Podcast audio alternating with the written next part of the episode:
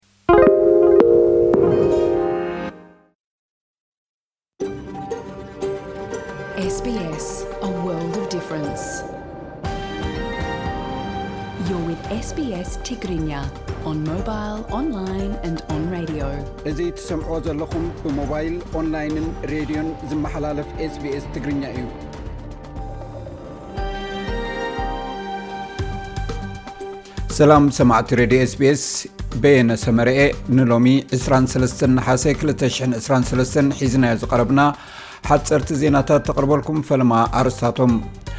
ንሰለስተ መዓልትታት ዝግበር ዋዕላ ብሪክስ ኣብ ደቡብ ኣፍሪቃ ይካየድ ኣሎ መዓልቲ ረፈረንደም ንምቕያር ቅዋም ኣውስትራልያ ዝመፅእ ረቡዕ ክፍለጥ እዩ ሂዩማን ራይትስ ዎች ሓለውቲ ዶባት ስዑዲ ዓረብ ናብ ሃገር ወሽመጥ ዓረብ ክኣትዉ ዝፈተኑ ኣማኢት ኢትዮጵያውያን ስደተኛታት ቀቲሎም ክብል ከሲሱ ኣብ ክልል ኣምሓራ ዝግበር ዘሎ ውግእ ቀፂሉ እዚ ሬድዮ ስፔስ ብቋንቋ ትግርኛ ዝፍኖ መደብ እዩ ሚኒስተር ትምህርቲ ጀሰን ካላር ሎሚ ንግሆ ዝወፀ ውፅኢት ናፕላን ኣብ ስርዓተ ትምህርቲ ኣውስትራልያ ምምሕያሽ ከም ዘድልዮ ዘርኢ እዩ ኢሉ ንሱ ንቻነል ናይን ከም ዝሓበሮ እቲ ውፅኢት መርመራ ሓደ ተምሃራይ ኣብ ሳልሳይ ክፍሊ ወዲቑ ንድሕሪት እንተተሪፉ ክሳዕ ታሽዓይ ክፍሊ ዝበፅሕ ከርክብ ኣዝዩ ኣፀጋሚ እዩ በዚ ምክንያት እዚ ድማ ገሊኦም ቆልዑ ቅድሚ ምውዳእ ትምህርቲ ኣቋሪፆም እዮም ቀዳማይ ሚኒስትር ኣውስትራልያ ነቲ ዝካየድ ናይ ደቀባት ድምፂ ኣብ ፓርላማ ረፈረንደም ዝግበረሉ መዓልቲ ኣብ ዝመፅእ ረቡዕ ኣብ ኣደላይድ ከፍልጥ እዩ እዚ ድማ ደቡብ ኣውስትራልያ እቲ ናይ እወ ዝብል ጎስጓስ መንግስቲ ቀንዲ ኣካራኻሪት ግዝኣት ምዃና ዘመልክት እዩ እቲ ሕገ መንግስቲ ንምቕያር ሃገራዊ ድምፂ ዝውሃበሉ ዝድለ ዕለት 14 ጥቅምቲ ኮይኑ እቲ ዓለት ግን ኣብ መንጎ ስፖርታዊ ንጥፈታትን ከምኡን ናይ ቤት ትምህርቲ በዓላት ኮይና ተረኺባ ኣላ። እቲ ረፈረንደም ንክዕወት ናይ ዝበዝሐ ኣድመፅትን ናይ ዝበዝሓ ግዝኣታት ድምፂ እወ ክኸውን ኣለዎ። ኣህጉራዊ ትካል ተጣባቒ ሰብኣዊ መሰላት ሂዩማን ራይትስ ዎች ሓለውቲ ዶባት ስዑዲ ዓረብ ናብ ወሽመጥ ዓረብ ክኣትዉ ኣብ ዝፈተንሉ እዋን ኣማኢት ኢትዮጵያውያን ስደተኛታት ቀቲሎም ክብል ከሲሱ። ሚኒስትሪ ጉዳያት ወፃኢ ኢትዮጵያ ኢትዮጵያ ምስ ሪያድ ብሓባር ነቲ ጉዳይ ክትምርምሮ ከም እትጅምር ኣፍሊጡ ኣሎ። እቲ ብሂዩማን ራይትስ ዎች ዝተዘርግሐ ጸብጻብ ድሕሪ ሓደ መዓልቲ እቲ ሚኒስትሪ ኣብ ትዊተር ገጹ መንግስቲ ኢትዮጵያ ምስ ሰበስልጣን ስዑዲ ዓረብ ብምዃን ነቲ ፍጻሜ ብቕልጡፍ ክምርምሮ ምዃኑ ኣፍሊጡ ኣሎ። ኣማኢት ኣሽሓት ኢትዮጵያውያን ዝነብሩሉን ዝሰርሑሉን መንግስቲ ስዑዲ ዓረብ ነቲ ክሲ መሰረት ዘይብሉ ዝበሎ ኮይኑ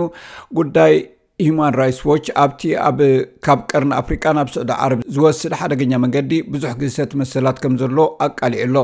ብመሰረት ናይ ዓይኒ መሰኻኽር ሓለውቲ ዶብ ስዑዲ ዓረብ ኣብ ልዕሊ እቶም ቅድሚ ሕጂ ዝተፈትሑ ስደተኛታት ጥይት ዘኒብሎም እዩ ወሃብ ቃል ሕቡራት ሃገራት ስቴፈን ዱጃሪክ ነቲ ጸብጻብ ሂዩማን ራይትስ ዎች ኣዝዩ ዘሰክፍ ክብል እኳ ተገለጾ ነቲ ከቢድ ክስታት ንምርግጋጽ ግን ኣጸጋሚ ምዃኑ ገሊጹ ኣሎ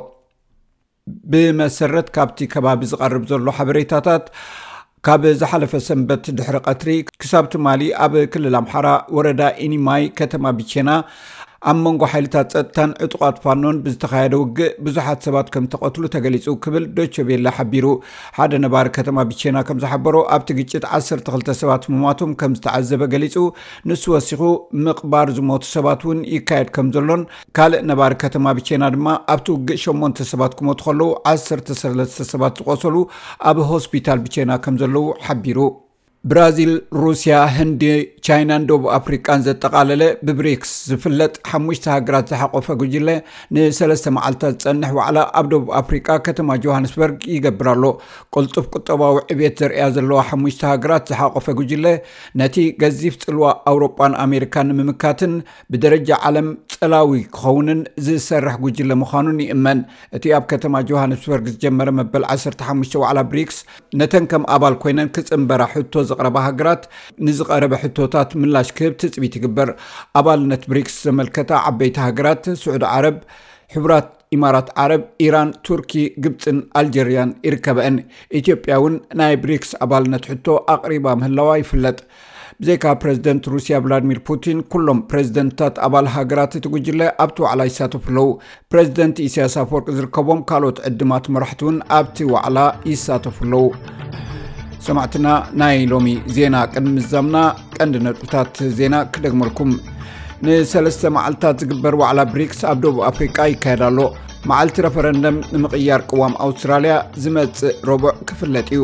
ሂዩማን ራይትስ ዎች ሓለውቲ ዶባት ስዑዲ ዓረብ ናብ ወሽመጥ ዓረብ ክኣትዉ ዝፈተኑ ኣማይቲ ኢትዮጵያውያን ስደተኛታት ቀቲሎም ክብል ከሲሱ